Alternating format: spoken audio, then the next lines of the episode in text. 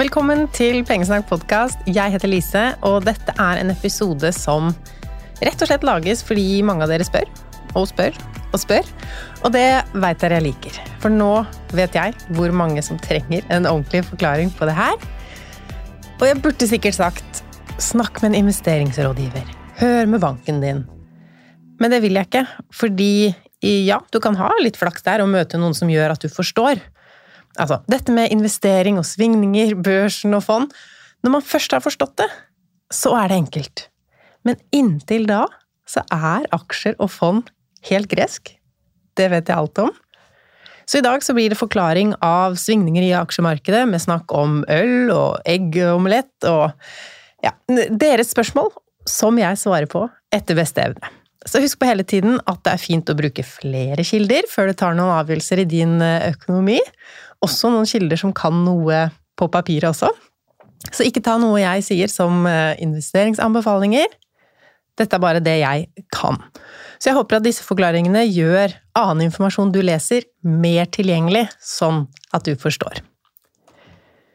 Som jeg sa for noen uker siden her i podkasten, så klarer ikke jeg å tenke på krig som en investeringsmulighet. Og jeg skal heller ikke kommentere krigen, fordi det er det mange som gjør bedre enn meg, også hvordan det påvirker markedene. Jeg skal snakke om investering i brede aksjefond, langsiktig investering men i en urolig, skremmende tid som dette. Og som sagt, det kommer fra spørsmål fra dere, både direkte til meg og altså om meg òg, så la oss ta det først. For dere spør eh, hva investerer du i i disse vanskelige tider? Investerer du i nedgangstider? Og lurer på hva du personlig gjør i disse tider. Hva kjøper du? Og da tenker jeg først og fremst hvorfor lurer du på det? Jeg har ingenting imot det, men jeg vil at du skal huske på hvorfor du spør. Spør du fordi du har tenkt å gjøre akkurat det samme? Spør du av nysgjerrighet, eller er det sånn at vi to har akkurat samme mål, samme tidslinje og samme økonomi? Så tenk igjennom hvorfor du lurer, først. Og så til det du lurer på, eller først enda en ting. Det er ikke meninga å roaste dere, som jeg har lært at det heter når man snakker ned det noen andre gjør, eh, men det er for læring, så jeg håper at det er greit. Eh, mange av dere skriver 'i disse tider', så det er derfor jeg har kalt podkasten det òg. I disse tider. Altså, børsen har gått nedover i år, og vi er ti-elleve uker inn i året. Børsmessig er ikke det noe jeg ville kalle 'i disse tider'. Børsen er jo noe som går opp og ned, så dette er ikke noe unikt i det hele tatt. Zoomer man ut og ser langt bakover i tid, så har det gått mest opp. Børsen svinger, men det svinger oppover. Men skal det svinge, så må det jo også svinge ned, og det er vi jo inni nå, for eksempel. Vet du hva jeg nesten syns er det aller beste med investeringer i aksjemarkedet? Eller sånn, når jeg skjønte det, så fant jeg ut at jeg kan jo være en investor, dette klarer jeg, med glans. Og det er at, at jeg ikke trenger å vite noe. Jeg trenger ikke å analysere noe som helst. Jeg trenger ikke å lese en eneste bok. Og jeg trenger ikke å vurdere tidspunkter for investering i det hele tatt. Aldri! For å følge min strategi som kommer her, men om du også vil ha en finansprofessor snakke om den strategien, hvorfor den er smart, og ikke bare meg, så sett på jeg tror det er episode 116, i hvert fall et par episoder tilbake, der Espen Henriksen er gjest. Der snakker vi om det. Men for å følge min investeringsstrategi, så må jeg 1. finne et globalt indeksfond. To sette opp en spareavtale. Og det er det. Så hva jeg ikke må gjøre, er å følge med. Trenger ikke å følge med. Trenger ikke å ta avgjørelser eller endre strategi underveis. Og det er så deilig, for når det svinger opp eller ned, jeg trenger ikke å tenke på investeringene mine. Vet du hvorfor kvinnelige investorer gjør det bedre enn menn? Fordi menn endrer strategi for ofte. Det kan du sikkert finne noe tall på. Problemet med kvinner, investeringsmessig, det er at vi er for treige til å komme i gang. Så veldig generaliserende der. Men uansett om du er kvinne eller mann, én, ikke vær så redd for å komme i gang. Det kan være snakk om 100 kroner i måneden. Det er jo dette jeg angrer mest på, kanskje, sånn økonomimessig. At jeg ikke turte å teste før jeg hadde lest om aksjemarkedet i årevis. Og det har jeg jo tapt mye penger på. Eller ikke tapt, men gått glipp av eh, avkastning, da. Men så to. Når du er i gang, da gjelder det heller å være litt redd for å gjøre noen litt for spennende og spenstige ting. Kjedelig kan være den aller beste strategien. Men det er kanskje kjedelig, og man blir frista til å gjøre noen moves for å tjene mer. Men så er det da sånn at hvis du ser snakk om en, en bestemt aksje på et internettforum, eller noe sånt, så er jo sjansen stor for at din fordel, for sånn er det jo i aksjemarkedet, de som har en fordel, kan hente ut gevinst, og den fordelen kan jo være informasjon. Men når den informasjonen er ute på internett, så vet jo alle det. Og da er aksjeprisen allerede justert for den infoen. Men la oss gå helt basic først. Hva er en aksje? Har vi kontroll på hva en aksje er? En aksje er en eierandel av et selskap. Altså, eier du en aksje i Apple, sitter her med Mac-en min nå, så eier du en del av det selskapet. Får utbytte når det går bra, du kan være med og stemme, og du kan selge aksjen om du vil. Hvis vi heller tenker på aksjer i et lite selskap, da. Um, la oss si det er et vaskeri som kanskje faren din og tanta di eier sammen. Og da har de kanskje halvparten av aksjene hver. Men så har vi større selskap som har vokst over tid, som har mange eiere. For det kan jo bli sånn at det er behov for investorer etter hvert. Og da selger man aksjer til investorene. Altså man henter inn penger til firmaet ved å selge unna eierandeler i firmaet.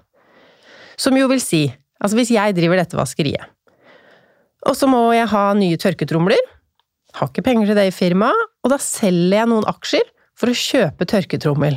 Og da har jeg jo flere eiere med.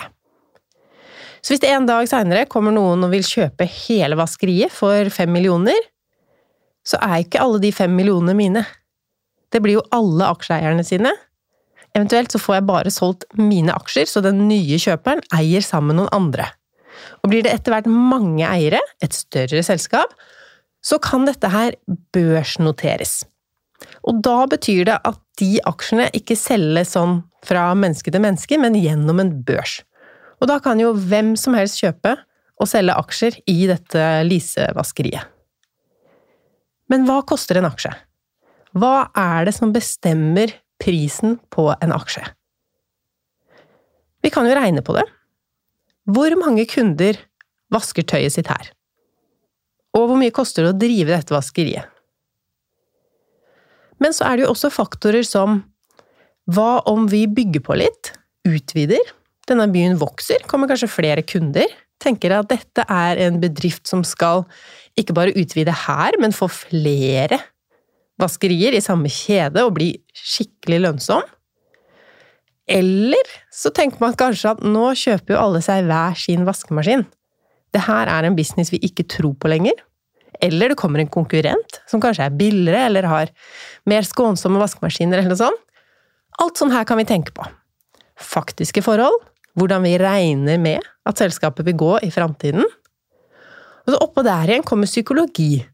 Og sånne ting som profesjonelle aksjemeglere ser, på. Grafene.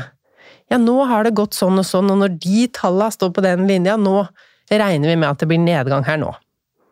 Uten at det har noe med den faktiske driften eller verdien på vaskemaskinene å gjøre. Eller så kan det være helt generelle ting, ikke sant? verdensøkonomien, eller nå er det ikke tiden for å kjøpe aksjer i det hele tatt, nå er det NFT-er som gjelder.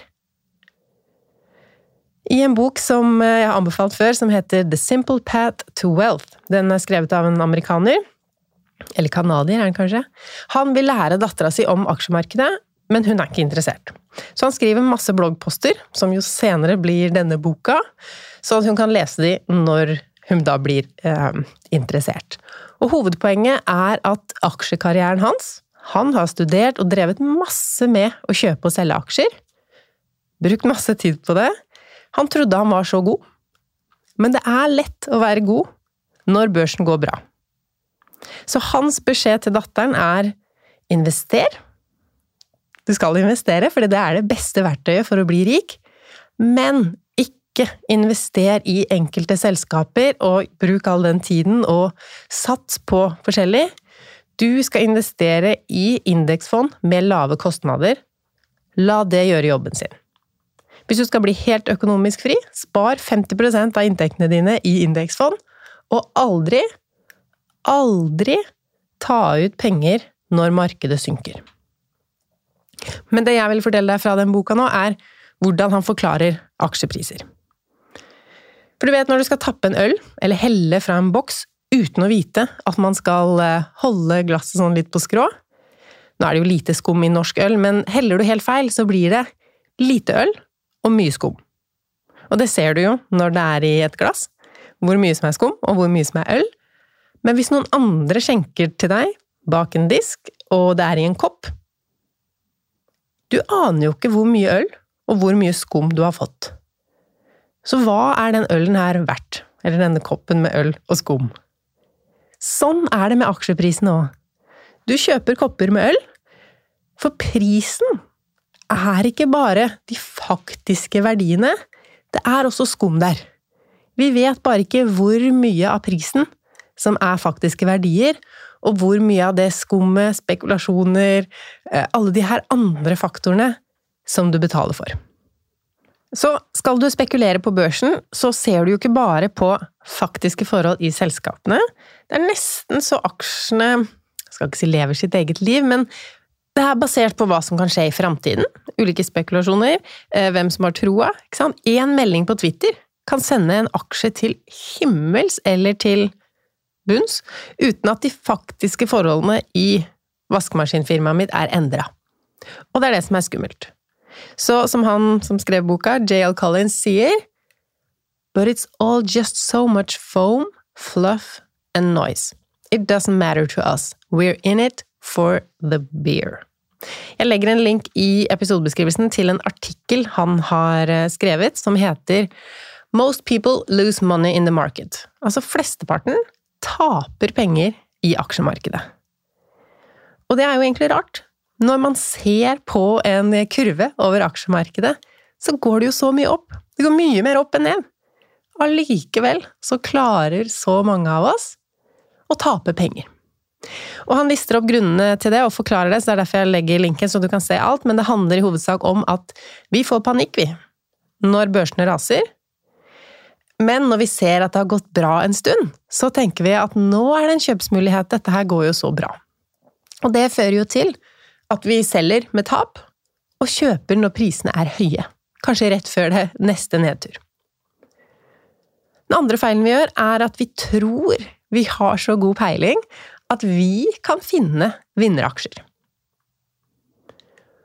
Og så tror vi også at vi kan finne um, vinnende uh, Hva heter det? De som uh, leder fond. Vi tror at vi klarer å velge et fond som har en så god investor at det kommer til å lønne seg mer for oss enn å bare investere i hele markedet. Og så kommer eh, den forklaringa med ølen og det, så hvis du ikke skjønte min forklaring, så kan du lese det eh, i den linken jeg legger ned. Så litt anbefalt lesning, det er på engelsk, men deres spørsmål. Nå blir det jo sånn, eh, jo lenger ut i episoden vi kommer, jo mer eh, vet du svarene på de spørsmålene som kommer. Så tenk selv òg, idet jeg leser opp spørsmålene, har du skjønt noe som gjør at du kunne ha svart på de spørsmålene her selv, eller er det fortsatt gresk? En som skrev hadde mål om å kjøpe fond hver eneste måned, men krig, så jeg ble ubesluttsom likevel. Ok, da snakker vi altså om fond, fordi aksjer er ikke noe jeg driver med i stor grad. Aksjefond. Og greia med fond er jo at det er mange aksjer samla i en pakke. Og det er jo bra for oss som investorer. Eller det er jo dårlig, da, hvis vi visste at en aksje vi kjøpte, hadde lav verdi nå, men den skulle bli så mye mer verdt om et år eller to. Hadde vi visst det, så hadde det jo vært lønnsomt å kjøpe bare den aksjen. Men vi vet jo ikke. hvilke aksjer som kommer til å gjøre det bedre enn forventa, og hvilke som faktisk kommer til å gå konkurs av selskap. Så derfor kjøper vi heller fond, fordi da er det kanskje 20 eller kanskje 1000 selskaper i et fond, og da har vi på en måte råd til at noen går konkurs, fordi noen vil alltid gjøre det bedre enn forventa, vi vet bare ikke hvilke. Så da kjøper vi heller en sånn, eh, et litt safere bet, at vi har mange selskaper vi kjøper. Og så finnes det jo to typer aksjefond. Vi kan i hvert fall klassifisere de inn i aktive og passive aksjefond. Og de aktive aksjefondene, der sitter det en aksjemegler, det var det ordet jeg leita etter i stad, en aksjemegler, som prøver å finne de selskapene som det er verdt å satse på. Så han selger ut dårlige selskaper, eller hun, og kjøper selskaper som de da tror skal gå bedre. Det er aktive aksjefond, og så finnes det passive aksjefond.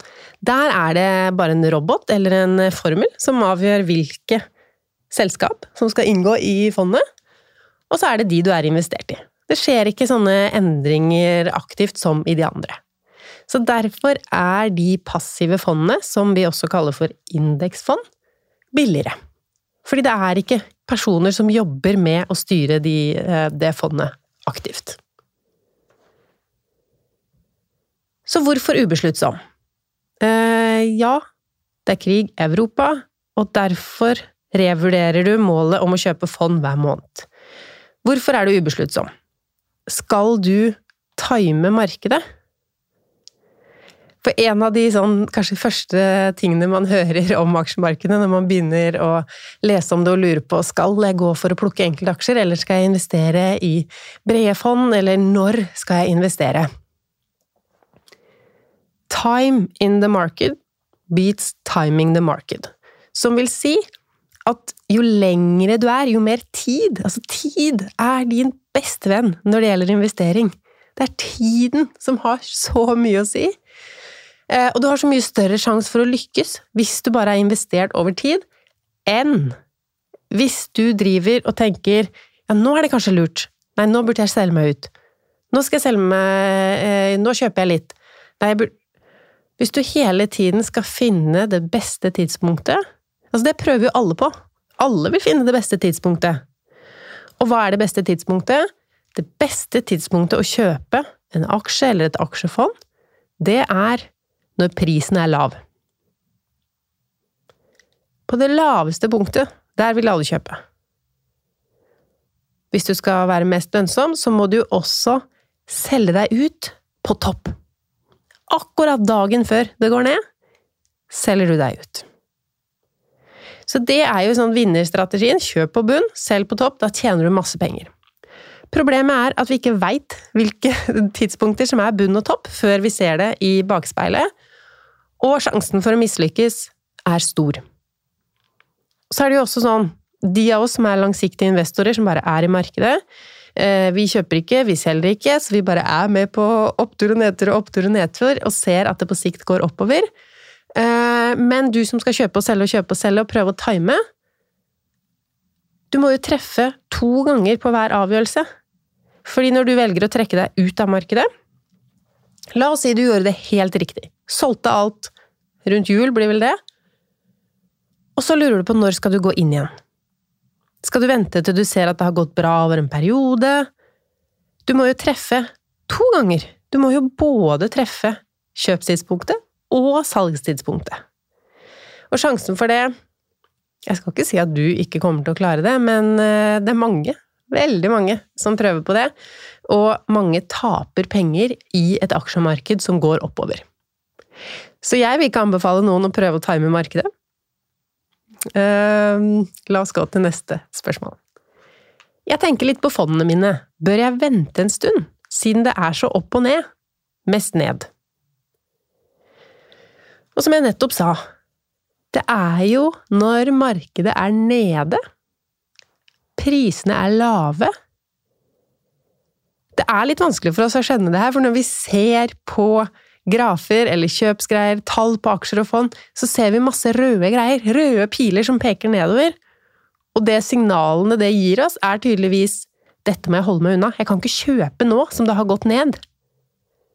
Men hvis du tenker på det Det er jo lave priser vi er ute etter.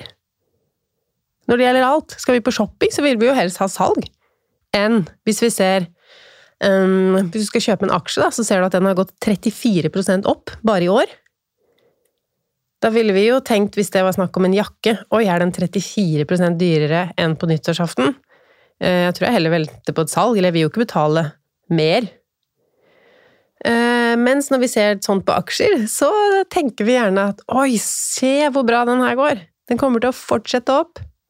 Og det kan jo stemme. Men det kan jo også hende at den har tatt ut potensialet sitt i de første månedene og ikke er noe sats på videre. Det vet vi jo ikke, ikke sant? Men hvis du tenker på hele markedet som en helhet, altså hele indeksen, om det er Norgeindeks eller verdensindeksen, det går opp og ned. Og nå har det gått ned i det siste. Kanskje er det mer en kjøpsmulighet, eller en grunn til å holde seg unna aksjemarkedet. Nå skal jeg ta en Jeg eh, husker ikke hvem som snakka om det her eksempelet først, men jeg delte det på Instagram tidligere denne uka, altså forrige uke. Tenk deg at du skal lage en omelett. Og den omeletten, det er jo egentlig formuen din. Jeg skal forklare etterpå. Til den omeletten så trenger du tolv egg. Og du har allerede kjøpt fire egg, som ligger hjemme i kjøleskapet ditt, men nå synker prisen på egg. Så egg som du kjøpte for fem kroner, koster nå tre kroner. Hva gjør du? Tenker du at nå får jeg panikk? Jeg selger mine fire egg med tap, jeg. Det er nok tryggest. Eller er du sånn som ja, du beholder de fire egga du allerede har, men du vil ikke kjøpe noe mer nå? Nå som et egg er verdt tre kroner istedenfor fem som det var før. Eller tenker du rett og slett å, nå forter jeg meg å kjøpe åtte egg med en gang, nå som de er billigere? Eller fortsetter du å kjøpe to egg om dagen? Kanskje blir det dyrere framover, kanskje blir det enda billigere, kanskje fortsetter det å koste tre kroner. De fleste av dere svarte at dere så klart kjøper åtte egg nå, som det er billig. Um, og det er jo litt selvsagt, er det ikke det? Men når vi er over i aksjemarkedet, så er det akkurat som om eh, hjernen vår fungerer på en litt annen måte. Da kan vi heller få panikk hvis noe har eh, falt i verdi, og heller selger unna fondsandeler som vi jeg håper jo når dere begynner å investere i aksjemarkedet, har en lang horisont. Det er det vi alltid snakker om når det er snakk om investering. Før du begynner å investere, så må du vite at dette er ikke penger du trenger til neste år. Jeg får kjempevondt i magen når jeg får meldinger fra dere som har penger investert, eh, og de skal brukes til sommeren eller høsten. Det er altfor kort horisont. Eh, men så har vi jo litt sånn uh, FOMO, fear of missing out. Man hører om venner og venninner, søsken, som har tjent så mye i aksjemarkedet. Som kanskje sier til deg åh, du kan ikke ha penger på konto. Jeg hadde 20 000 i aksjefond, og nå er det 28 000. Dette kan ikke du gå glipp av. Så hvis du skal gifte deg til neste år, så sier jo alle Alt sier du skal ikke investere penger du kan trenge om et år. Men så ser vi eksempler på hvor raskt andre øker formuen sin i aksjemarkedet, og det er vi jo interessert i. Så vi investerer penger. Men det må dere ikke gjøre, altså. Ikke hvis du ikke har råd til å plutselig planlegge om, da, og lage et kjipere bryllup eller et kjipere kjøkken, eller det var, nå var du skulle bruke de pengene til, eller utsette det. Vi vil ikke ta ut penger av aksjemarkedet når det har gått nedover. For da har du jo tapt. Det er lett nå hvis du logger inn på eh, investeringene dine, så ser du at de er mindre verdt enn de var i fjor. Altså mine fond er vel ned 150 000 kroner. Men jeg har jo ikke tapt. Hvis jeg nå hadde solgt alt, så hadde jeg tapt. Da har jeg realisert det tapet hvis jeg faktisk tar pengene ut. Men hvis jeg lar de stå der, og satser på at om eh, to år eller fire år eller åtte år, så har de henta seg inn igjen og kanskje vokst videre, da har jeg ikke tapt.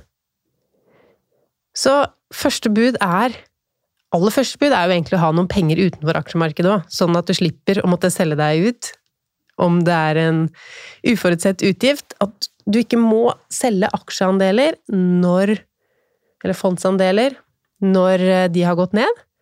Og også at du har en horisont som gjør at du ikke må selge når det har gått ned. Min strategi er jo faktisk ikke å følge med på når de er billigst, og når jeg burde kjøpe ekstra mange egg. Jeg fortsetter å kjøpe to egg om dagen. Altså, jeg har et fast innskudd hver måned som går uansett om det koster mye eller lite. For det veit man jo aldri. Man kan jo egentlig aldri si at aksjemarkedet er dyrt eller billig. Vi kan si om det var dyrere eller billigere enn det var for en uke eller noen måneder siden, men vi vet jo ikke framover. Vi vet ikke om det skal fortsette ned eller svinge opp igjen med en gang.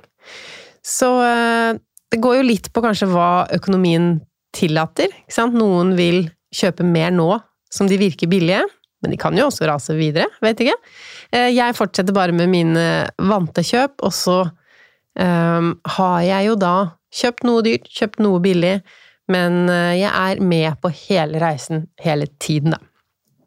En av dere sendte meg en melding og sa hvis prisen på egg går ned, kjøper jeg 20 stykk, selger 12 av dem videre sammen med oppskriften på omelett for 45 kroner, så har jeg tjent på det i tillegg. Det er kjipt å se fondene mine i minus, men jeg kjøper mer. Så det er litt hvordan man velger å se på det. Er det en mulighet, eller er det kjipt? Det er jo veldig kjipt for deg som må ta ut penger nå, som ikke skulle hatt pengene dine i aksjemarkedet med så kort horisont, men det er kjipt. Det er det som er risikoen. Det er det vi sier. Det er risiko å investere, og det er derfor du må ha horisont. Og det er kjipt å se fondene i minus, de røde pilene, de ser ikke bra ut, men hvis du er i oppbygningsfasen, hvis du nå i løpet av de neste ti årene skal putte masse penger inn i aksjemarkedet som du skal leve av som pensjonist, så er det jo egentlig bra at kursene går ned, at det faller, at det ikke vokser og vokser og vokser og blir dyrere og dyrere å putte inn i. En av dere spør kan man risikere å miste alt selv om investeringen er langsiktig. Jeg er ikke redd for det, men det kan skje. Og ja, det kan skje. De eh, fondene jeg investerer i, er over 1000 selskap. Så hvis alle de 1000 selskapene går konkurs, så har jo ikke jeg noe å selge videre. Da er det ingen som vil kjøpe mine fondsandeler. Så det kan skje. Eh, men da tenker jeg sånn at hvis 1000 av verdens største selskap går konkurs samtidig, da har vi større bekymringer enn mine sparepenger. Risikoen for det er jo større hvis du gambler på noen få selskap, noen få enkeltaksjer. Risikoen er mindre når du investerer og sprer det på masse selskaper, som du jo gjør i fond, og spesielt da globale fond, indeksfond som er spredt på så mange bransjer og geografisk. En av dere skrev at du skal investere for neste generasjon, ikke for deg selv. Det er det de rike gjør. Og det er jo kanskje en drømmesituasjon. De rike gjør det fordi de rike har midler til seg selv og kan tenke da på neste generasjon, og så får neste generasjon tenke på neste der igjen. Men de fleste av oss er jo ikke der. Vi må jo først sørge for oss selv, og derfor har vi ikke en um, horisont på 100 år. Men det mener jeg du heller ikke trenger. Du trenger ikke 100 års uh, horisont, men du trenger mer enn ett til to år eller et halvt år. Hva slags fond anbefaler du?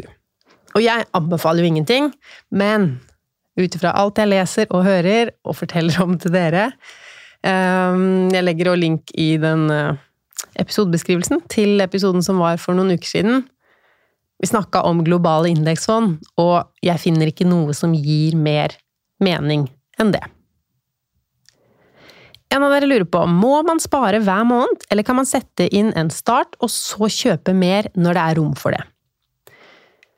Grunnen til at man anbefaler å kjøpe litt hver måned, er fordi da får man utjevna de svingningene litt. Du risikerer ikke å investere alle pengene dine på det aller dyreste punktet. Du investerer til eh, forskjellige priser i løpet av året. Men det er ingenting i veien for å sette inn en start, og så kjøpe når det er rom for det. Absolutt ikke. Det er helt fint. Siste spørsmål. Jeg sparer i et globalt indeksfond, og min investeringsplan er langsiktig. 10 30 år. Så jeg er null bekymret for nedgangen om dagen. Jeg har et mål om å spare x antall kroner i fondet hvert år. Det jeg lurer på er om det lønner seg å vente med å sette inn penger i fondet nå, siden det har gått litt ned, eller om jeg skal vente til det kommer en oppgang. Har det noe å si? Og nå tenker jeg du veit svaret, du som hører på, hvis du har fulgt med nøye nå. Har det noe å si?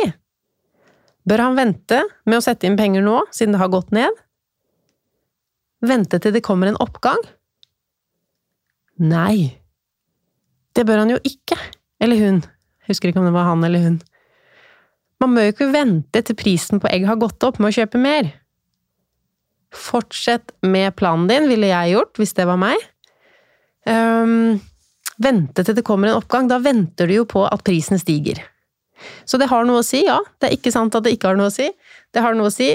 Å kjøpe det billigere lønner seg mer enn å kjøpe det dyrt. Det var et spørsmål til her. Nå som aksjemarkedet er nede, vil det være lurt å investere i aksjer nå? Vil jeg da tjene mer når det en vakker dag går oppover igjen? Usikker på om jeg forstår hvordan dette fungerer. Tusen takk for at du tar deg tid til å forklare dette, om du har tid. Hva svarer vi her da, dere? Er det lurt å investere nå som det har nede? Vil man da tjene mer når det en vakker dag går oppover igjen? Ja! Her er det en person som har skjønt det. Det er ikke skummelt å investere når markedet har gått nedover. Det kan heller være lurt. Da gjenstår det bare å ønske deg lykke til med investeringene dine. På YouTube-kanalen min nå så ligger det en film som vil gi deg fullstendig oversikt over din økonomi, pengene du eier, lånene du har. Skjema du kan printe ut og fylle i underveis mens du ser den filmen. Og til slutt da så ender vi opp med å se hvor mye penger har du til overs hver måned til å bruke på gjeldsnedbetaling, sparing eller investering? Kanskje er det nå du skal komme i gang med et fast beløp til investering, øke formuen din på sikt. Og det må ikke være tusenvis i måneden, det kan være 100 kroner, det kan være 500 kroner. Man lærer mer av å prøve enn å bare lese om aksjemarkedet. Så lenge du har penger utenfor markedet, da. Du må ha den bufferen, og du må ha lang horisont, så du tåler disse svingningene, som kan være skumle, men som ikke har noe å si så lenge du ikke selger når markedet har gått ned. Jeg ønsker deg en god uke videre. Eh, til neste mandag så høres vi i Facebook-gruppa og på Instagram. Ha det bra!